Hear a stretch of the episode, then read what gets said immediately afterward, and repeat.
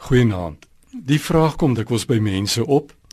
Op grond van wie se geloof word iemand genees? Hoekom vind daar genesing by sommige plaas, maar by ander nie? In Johannes 5 lees ons dat Jesus 'n verlamde man by die bad van Bethesda op die Sabbat genees.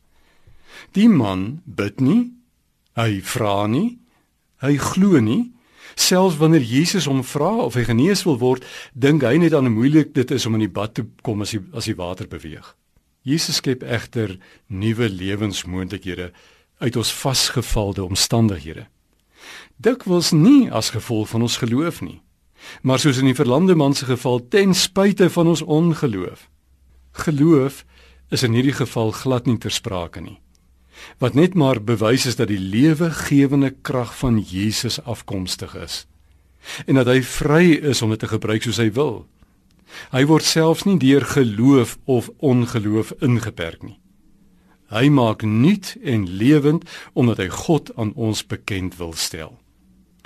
Wanneer dit egter oor ons verhouding met God gaan, is dit 'n ander storie.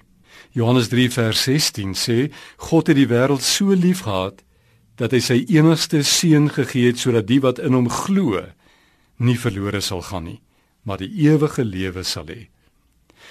Ten diepste is sonde volgens Johannes om nie in Jesus te glo nie en per implikasie om nie in die Vader te glo wat hom gestuur het nie. Dit gaan nie oor die reëls en die moets en moenies nie, maar dit gaan oor 'n verhouding met hom. Om nie te glo nie is om die duisternis eerder lief te hê. Dit is om wêrelds te wees, om nie nuutgebore te wees nie, om nie God en ons naaste lief te hê nie. Dit alles volgens die evangelie van Johannes. Maar Jesus roep ons op om in hom te glo en aan te hou glo. Wanneer ons glo, weet ons dat ons in 'n nuwe verhouding oorgestap het. Hier, nou reeds. Ons besit nou reeds die ware lewe. Trouwens, Jesus verseker ons in Johannes 5 vers 24 wie luister na wat ek sê en in hom glo wat my gestuur het het die ewige lewe. Hy word nie veroordeel nie maar het reeds uit die dood na die lewe oorgegaan.